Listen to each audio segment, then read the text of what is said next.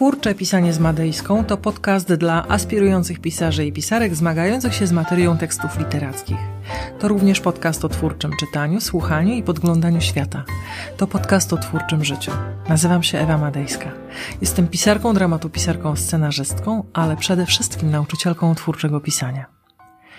Niedawno, bo już w pandemii, w kwarantannie, napisała do mnie Ela, jedna ze słuchaczek e, studium kreatywnego pisania w Kolegium Civitas. Mm, Ela napisała, że długo, bardzo długo pracowała nad historycznym projektem. To miał być scenariusz. Okazało się jednak, że scenariusz nie ma szans na realizację filmową albo telewizyjną. I może całe szczęście, bo jedna korona królów w historii polskiej kinematografii to o jedną koronę królów e, za dużo. No ale Ela przyznała, że ma za sobą potężną dokumentację i że nie chciałaby stracić tego, co już zrobiła. Postanowiła w związku z tym, że napisze powieść. I bardzo słusznie, moim zdaniem. Um, Wyznała jednak, że zawsze zajmowała się scenariuszami. Nie potrafię, oznajmiła, pisać opisów. Szybko przechodzę do kolejnych wydarzeń, do akcji. W ten sposób tworzę opowieść płytką i pozbawioną emocji. Czytałam u Kinga, że można się opisów nauczyć, ale jak? Czy są jakieś ćwiczenia? Sprawdziłam. W anglosaskich podręcznikach nie poświęca się opisowi zbyt wiele uwagi. Plącze się ten biedny, mały opis jak zawszona sierota między potężnymi rozdziałami o strukturze czy kreacji bohatera. Zorientowałam się, że sztuka opisu to kwestia regularnie zaniedbywana w literaturze przedmiotu, ale też na kursach twórczego pisania.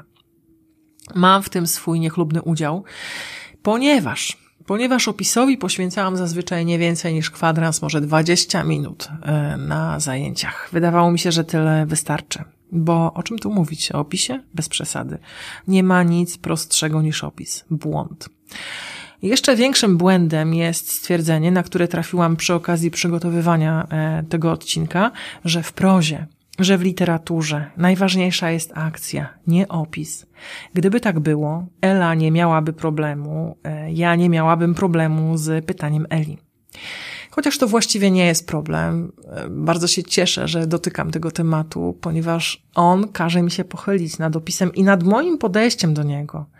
Do tego stopnia, do tego stopnia, że zaczęłam pisać krótki podręcznik, pewnie ukaże się w formie e-booka, właśnie o opisie, bo to jest fascynująca rzecz. E, nie będę mówiła o szczegółach dzisiaj tylko i wyłącznie ogólnie, ale obiecuję Ci, że czegoś takiego jeszcze w literaturze przedmiotu, tak, w literaturze dotyczącej opisu, ale też w ogóle twórczego pisania nie było.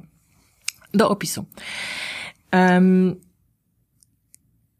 W powieści nie ma elementów mniej ważnych i bardziej ważnych. No nie ma. Wszystkie są istotne. Jeżeli zaniedbasz jeden z nich, całość okaże się słaba w efekcie albo nie tak dobra, jak mogłaby być. Jeżeli masz słaby opis, czy też piszesz słabe opisy, to, to tworzysz słaby świat przedstawiony. A słaby świat przedstawiony to jest świat niedobudowany albo przeładowany detalami. Jeżeli opis kuleje, to na przykład twój bohater również zaczyna kuleć. Przez brak dobrego, zaznaczam dobrego opisu, jego motywacje mogą się okazać nielogiczne, niejasne, a nawet niewiarygodne, lub wręcz przeciwnie, wyłożone kawa na ławę obrażają inteligencję czytelników. Moim zdaniem, podkreślam, moim zdaniem, Efektywna praca z opisem to praca w tak zwanej pętli deskrypcyjnej. To jest moje autorskie określenie, które wymyśliłam na potrzeby tego odcinka, ale chyba w ogóle na potrzeby też podręcznika, nad którym pracuję. Mm, ono się sprowadza, to określenie, pętla deskrypcyjna, do bardzo, bardzo prostego schematu. Jeżeli nauczysz się myśleć tym schematem, opisy zaczną przychodzić Ci z dużo większą łatwością.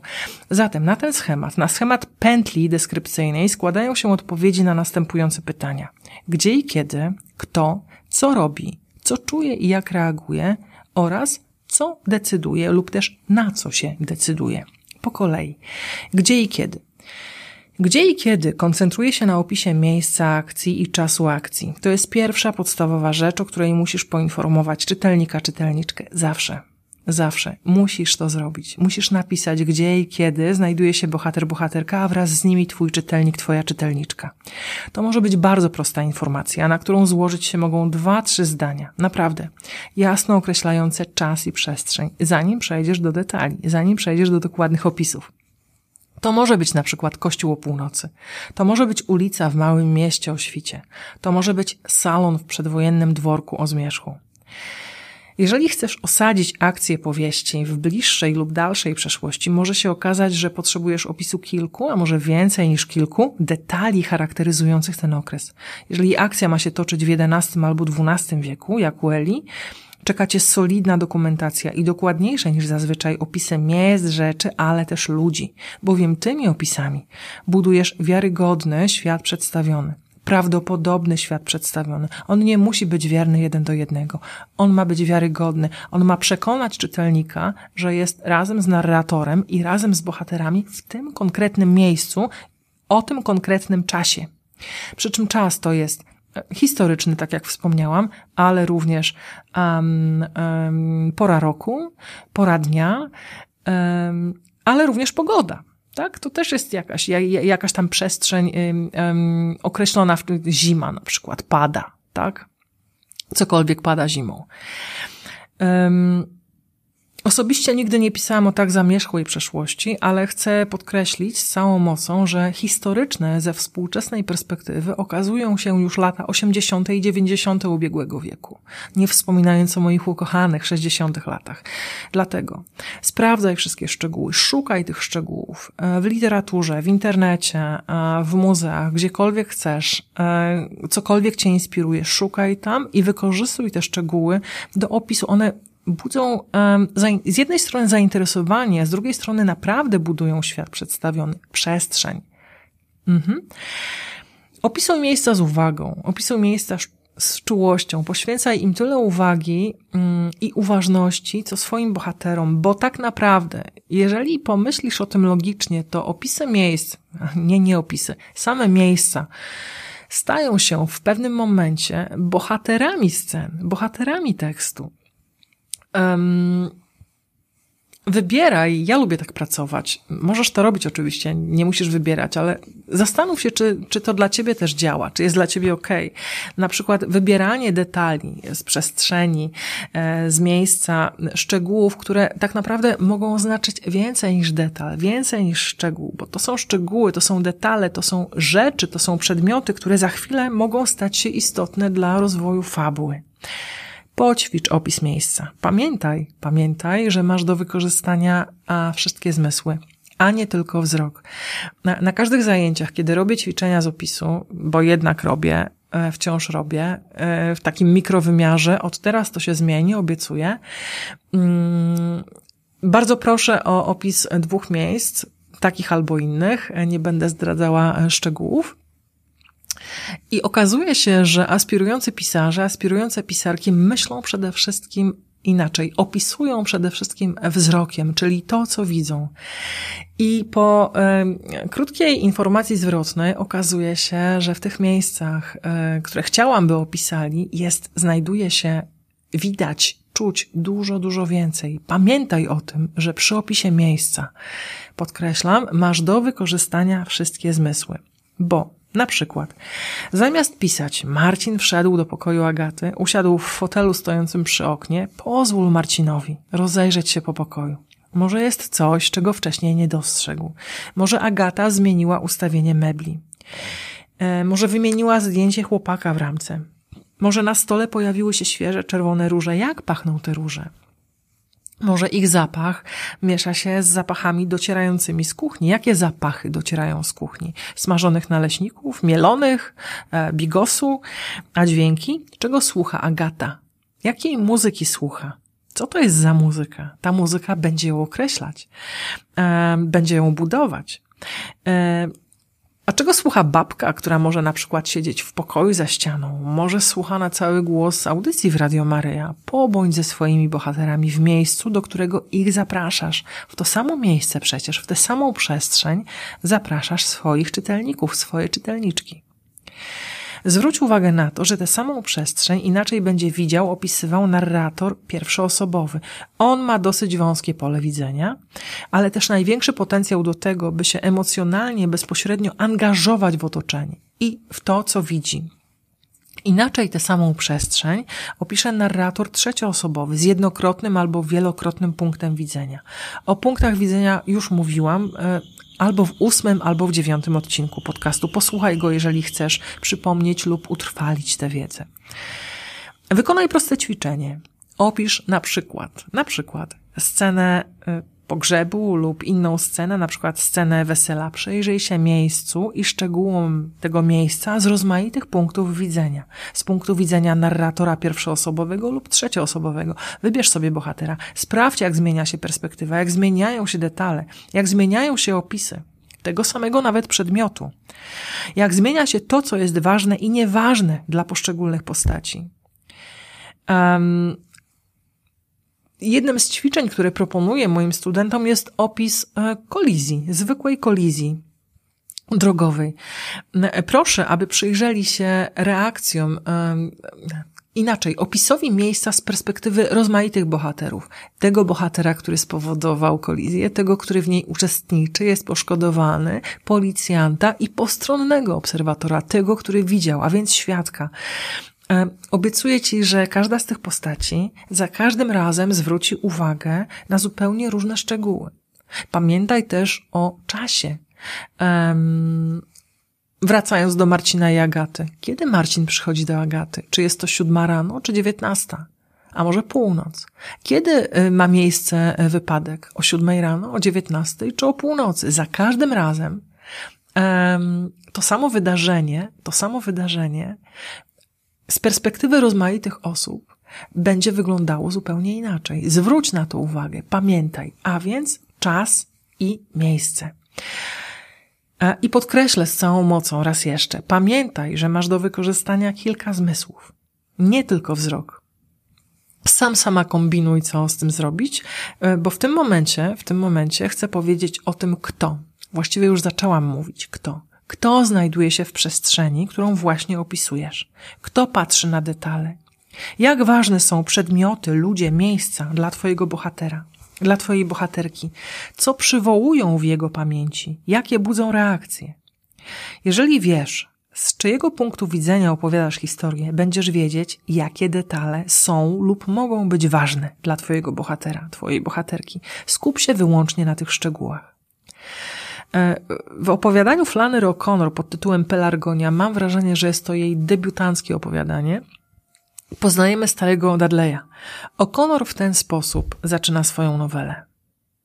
Stary Dudley zapadł w fotelu, w którym od pewnego czasu wygniatał odcisk swojej sylwetki i spojrzał przez okno w kierunku okna z przeciwka, oddalonego o pięć metrów i tkwiącego w murze z poczerniałych czerwonych cegieł. Czekał na pelargonię. Wystawiano ją co rano koło dziesiątej i zabierano o pół do szóstej. Pani Carson w jego rodzinnych stronach też miała taką w oknie. W rodzinnych stronach było mnóstwo pelargonii i to ładniejszych. My to mamy pelargonię pierwsza klasa, pomyślał stary Dudley. Nie takie bladoróżowe wiechetki z kokardkami z zielonego papieru.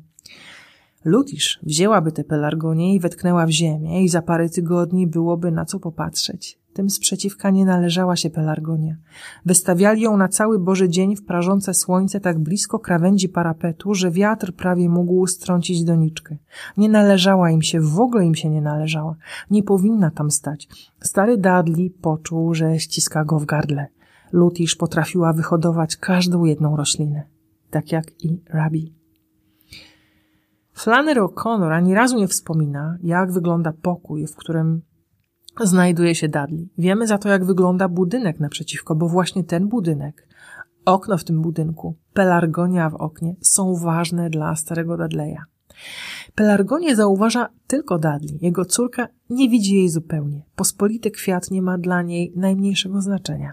Tymczasem pelargonia przypomina Dudleyowi rodzinne strony na południu Stanów Zjednoczonych, miejscowość, przez którą płynęła rzeka i czarnoskórych przyjaciół Lutish i Rabiego. Przypomina mu czas, w którym wszystko miało swoje miejsce i swój porządek. Przede wszystkim rasowy porządek. Kilka scen później, dalej będziemy przy kto, ale już trochę inaczej, kilka scen później Dudley doznaje szoku, kiedy na korytarzu nowojorskiej kamienicy spotyka nowego sąsiada. A Flannery O'Connor pisze. Czarnuch wprowadził się tydzień po jego przyjeździe. W tamten czwartek stary Dudley akurat wyglądał drzwiami na psie bieżnie, na korytarzu, kiedy Czarnuch wszedł do sąsiedniego mieszkania. Miał na sobie garnitur z szarego tenisu i beżowy krawat. Sztywny biały kołnierzyk przylegał do szyi równą kreską. Buty też były beżowe, w kolorze krawata i skóry Czarnucha. Stary Dudley podrapał się po głowie. Nie mam najmniejszego pojęcia, czym są tak zwane psie bieżnie. Sprawdziłam, czym natomiast jest tenis. To materiał tkanina najczęściej w paski, z której kiedyś szyto garnitury. Wygląd afroamerykańskiego sąsiada budzi w Dudleyu zdziwienie, oszołomienie, a nawet bunt. Zwróć uwagę, że jest to opis wyglądu zewnętrznego bardzo detaliczny, ale on ma znaczenie, bo taki wygląd w przekonaniu Dudleya to skandal. Murzyni w jego stronach byli brudni i kradli kury z kurników, ten tutaj, ten na korytarzu. E, to wybryk natury, nowojorskie dziwactwo, niedopuszczalne. W powyższym fragmencie otrzymujemy doskonały przykład opisu wyglądu zewnętrznego postaci. Tak? Mamy opis. Cały czas jesteśmy przy kto. Um, bo to jest opis w kontrze. I teraz skoncentruj się. Dudley wie, Dudley wie, jak powinien wyglądać murzyn. Lecz murzyn, którego widzi Dudley na korytarzu, przeczy wszystkiemu, co wie Dudley o wyglądzie murzynów. Taki murzyn to nie murzyn. Taki murzyn to oszustwo. Zatem podsumowując do tego momentu. Jeżeli wiesz, gdzie jesteś i z kim jesteś, po ogólnym opisie przestrzeni zwróć uwagę przede wszystkim na te szczegóły, które za chwilę okażą się znaczące dla Twojego bohatera, Twojej bohaterki i dla rozwoju fabuły. Najistotniejsza jest kwestia, kto patrzy, na co patrzy i dlaczego patrzy. Jakie ma to dla niej i dla niego znaczenie, co symbolizuje. Skup się na swojej postaci, na jej kondycji, na wieku. Oglądaj, oceniaj, interpretuj przestrzeń jej jego oczami. To pozwoli najpierw tobie, a potem twojemu czytelnikowi, twojej czytelniczce być blisko twojego bohatera, twojej bohaterki. Pozwoli mu, jej, jemu widzieć i czuć to samo. E, to jest też doskonały przykład na to, bo mówię tutaj o bohaterze, o budowie, mówię patrz oczami bohatera, oceniaj oczami bohatera, buduj bohatera. To jest doskonały przykład na to, że wszystkie elementy twórczego pisania łączą się ze sobą, dlatego że ten fragment, ten fragment, ten fragment, ta teoria, o której mówię i praktyka właściwie również, dotyczą budowy bohatera, budowy postaci literackiej. Mówię o tym przy opisie. Mówię o tym przy opisie. E, dalej. Pamiętaj, że wyglądowi zewnętrznemu należy poświęcić tyle uwagi, ile to konieczne. Naprawdę. Naprawdę, jeżeli dokładnie przeczytasz opowiadanie Flannery O'Connor, a zachęcam cię do tego, przekonasz się, że narrator lub narratorka nie poświęcił, nie poświęciła w nim ani jednego zdania, ani jednego zdania wyglądowi zewnętrznemu Dudleya. Dudley jest tylko stary. To go określa, nic więcej. Wygląd zewnętrzny Dudleya nie ma najmniejszego znaczenia dla rozwoju fabuły, nie ma najmniejszego znaczenia dla napięcia, dla konfliktu. Stąd prosty wniosek. Nie zawsze musisz opisywać wygląd zewnętrzny swoich postaci. Możesz, ale naprawdę nie musisz, chyba że jest to bardzo ważne. Chyba że jest to bardzo ważne. No, opis Murzyna, opis Afroamerykanina, opis nowego sąsiada Dudleya był istotny. Dlatego otrzymujemy dokładny opis tej postaci. Sam Dudley nie. Pamiętaj o tym. Co robi? Kolejna kategoria. E, zostańmy jeszcze przez moment przy Dudleyu z opowiadania O'Connor. Co robi, wiąże się bezpośrednio z celem bohatera, z tym, czego postać chce. Jeżeli nie wiesz lub nie pamiętasz, czym jest cel bohatera, zapraszam do wcześniejszych odcinków podcastu. Cel Dudleya jest banalny. Dudley, jak e, co dzień, chce zobaczyć w oknie naprzeciwko Pelargonię. Nie widzi jej. Potrzebuje ją zobaczyć. W świecie, w którym przepraszam za określenie, ale to określenie autorki, czarnuchy wyglądają jak biali ludzie, Dudley potrzebuje powrotu do starego porządku. Potrzebuje starego porządku. To okazuje się niemożliwe. Pelargonia bowiem spadła z szóstego piętra i leży na ulicy korzeniami do góry. Jak cały świat Dudleya. Dudley waha się. Zastanawia się, może po nią zejść. Ma nawet taki zamiar, wychodzi na korytarz. Finalnie jednak nie schodzi na dół, z lęku przed tym, że na korytarzu mógłoby spotkać, cytuję, czarnucha w beżowych butach na glans, który będzie tłumił śmiech na widok Dudleya. W opowiadaniu Pelargonia znajdziesz wszystko. I gdzie, i kto, i co robi, a raczej nie robi, i z jakiego powodu. Znajdziesz klarowne motywacje, znajdziesz klarowny świat przedstawiony, znajdziesz klarownego bohatera.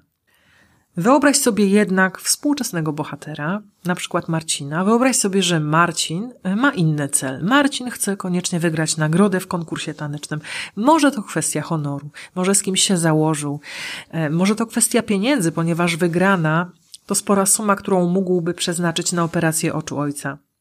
Marcin jednak nie umie tańczyć i pewnie się je nauczy, ponieważ e, jedną nogę ma niesprawną, kuleje, w wyniku wypadku który spowodował wiele lat temu na przykład e, ojciec. Ale stawka jest wysoka, scena po scenie, budujesz wydarzenia, e, które Marcina zbliżają do celu albo od niego oddalają. To, co robi Marcin, to wydarzenia. Jak opisywać wydarzenia? No właśnie, tu może pojawić się, może wrócić do ciebie e, taka stara zasada, którą z pewnością znasz, słyszałeś, słyszałaś o niej. Pokazuj, nie opowiadaj. Pokazuj, nie opowiadaj. A ja ci powiem, pokazuj i opowiadaj. Twórz obrazy, opisuj obrazy. To jest sztuka. Wyobraź sobie scenę, w której Marcin ze swoją partnerką, na przykład Agatą, wspomnianą wcześniej, wchodzi na parkiet. To jest ta wielka scena. To jest ta scena, w której ważą się jego losy. Możesz napisać, że Marcin potknął się, upadł, ale wstał, tańczył dalej, ponieważ miał silny charakter. Dwa, trzy zdania. Pytanie, czy czytelnik, czytelniczka poczują te dwa, trzy zdania, czy w nie uwierzą? Ani trochę bo to nie jest opis, to są stwierdzenia, to są informacje, to są wnioski, wreszcie to nie jest literatura. Pokazuj i opowiadaj. Znaczy tyle, że w tej scenie pokażesz, jak to się stało, że Marcin się potknął. Co poczuł, kiedy się potknął? Poczuć mógł wiele. Na przykład złość na ojca, przez którego kuleje, a jednocześnie miłość do niego. Ponieważ ojciec 20 lat po wypadku wciąż żyje z poczuciem winy i nie wie, jak wynagrodzić synowi jego kalectwo. Marcin mógł też poczuć wstyd zwłaszcza przed kumplami z pierwszego rzędu, którzy przyszli mu towarzyszyć, a niestety nie mają komu towarzyszyć. Kumpel się zbłaźnił, teraz się z niego śmieją. Marcin wstydzi się też przed Agatą, która się tak dla odmiany wstydzi przez Marcina. Więc Marcin wstaje i tańczy. Z czego wynika jego silny charakter? Warto o tym pomyśleć. I Kolejny etap budowania tej sceny. Kto gra, kto śpiewa, jakie zapachy unoszą się w powietrzu, co Marcin widzi, co czuje, czego nie zauważa, co z jego ciałem, co z jego nogą, boli go? Spójrz, ile dzieje się w tej scenie. W scenie przewrócił się, wstał i tańczył dalej. Tak warto opisywać wydarzenia, pokazując, co dzieje się na wielu poziomach dużo głębszych niż samo wydarzenie. W ten sposób budujesz też podtekst. Co czuje i jak reaguje? Zostańmy przy Marcinie.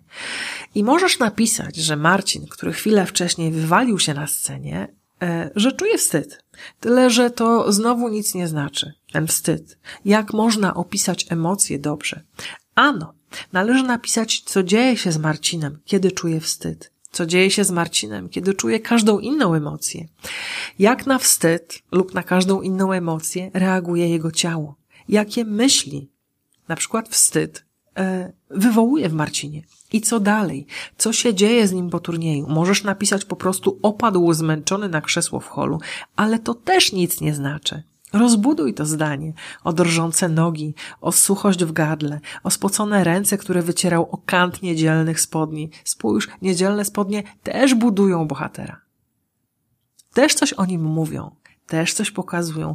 Poza tym, co dzieje się w holu? Jakie odgłosy dobiegają Marcina z za sceny? Gwizdy czy oklaski? A może Marcin nie czuje wstydu? Może Marcin czuje strach? Tyle, że znowu Marcin czuje strach, to wniosek. Co dzieje się z umysłem i ciałem Marcina, kiedy czuje strach?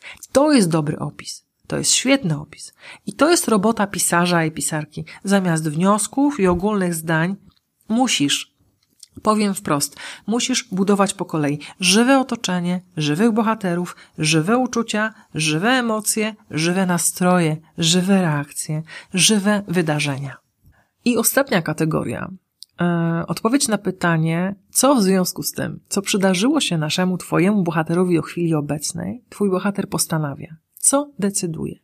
Jakie decyzje podejmuje? Po tym, co przydarzyło się Marcinowi, do tego momentu, do momentu, w którym widzimy go po turnieju w holu, kiedy wstydzi się albo boi się, e, czekamy na ciąg dalszy. Na to, jaką Marcin podejmie decyzję, co zrobi w następnej scenie. Załamie się, czy jednak podejmie kolejne wyzwanie? Z kim się spotka? W jakim otoczeniu? Czego będzie chciał? W tym momencie, w tym momencie pętla deskrypcyjna zatacza koło. Znowu zaczynasz od gdzie i kiedy, co robi, co czuje i jak reaguje oraz co w związku z tym decyduje. To proste. Pojawia się jednak pytanie, wątpliwość, ile opisów w opisie? To zależy tylko i wyłącznie od ciebie. Taka jest prawda.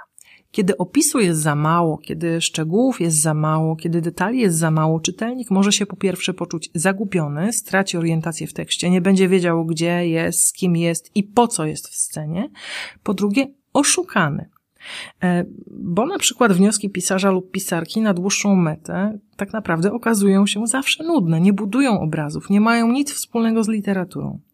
Kiedy opisu jest za dużo, a więc kiedy opis przeładowany jest detalami, szczegółami, zmysłami, czytelnik, czytelniczka również może się zagubić. W szczegółach bez znaczenia. To też nie jest dobre wyjście. Mam prostą radę. Jeżeli pracujesz nad pierwszą wersją tekstu, pisz jak piszesz. Nie przejmuj się moimi uwagami. Nie zawsze wiesz na początku, które z elementów opisu okażą się znaczące. Ja tego też nie wiem. Nigdy tego nie wiem. Nawet jeżeli wydaje mi się, że wiem, a fabuła wielokrotnie mnie zaskakiwała i bohaterowie również. Przy pierwszej wersji tekstu nie ograniczaj się w malowaniu obrazów. To pozwoli ci lepiej poznać twoich bohaterów, świat twoich bohaterów i samych bohaterów. Wszystkie dłużyzny, mielizny zauważysz przy pierwszej lub drugiej redakcji powieści lub opowiadania. Wykreślisz to, co zbędne. Zauważysz też braki, czyli wszystkie te miejsca, w których czegoś jest za mało. Pojawi się okazja, żeby dopisać to, czego brakuje. Dlatego nie przywiązuj się emocjonalnie do pierwszej wersji tekstu. To tylko pierwsza wersja, nie opus magnum. Podrzuć ją komuś do czytania.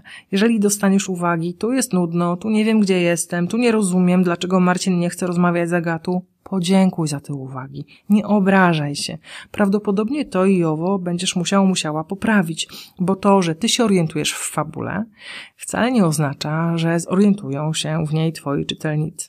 Nie piszesz dla siebie, no chyba, że dla siebie. Na koniec garść e, technicznych trików, a jednocześnie małe podsumowanie. Przypomnę, bo to ważne. Po pierwsze, Pisz wszystkimi zmysłami. Zauważ, że słaby autor, słaba autorka zatrzymuje się zazwyczaj na poziomie wzroku, czyli opisuje to, co widzi. Masz do dyspozycji węch, słuch, dotyk, smak i tak dalej.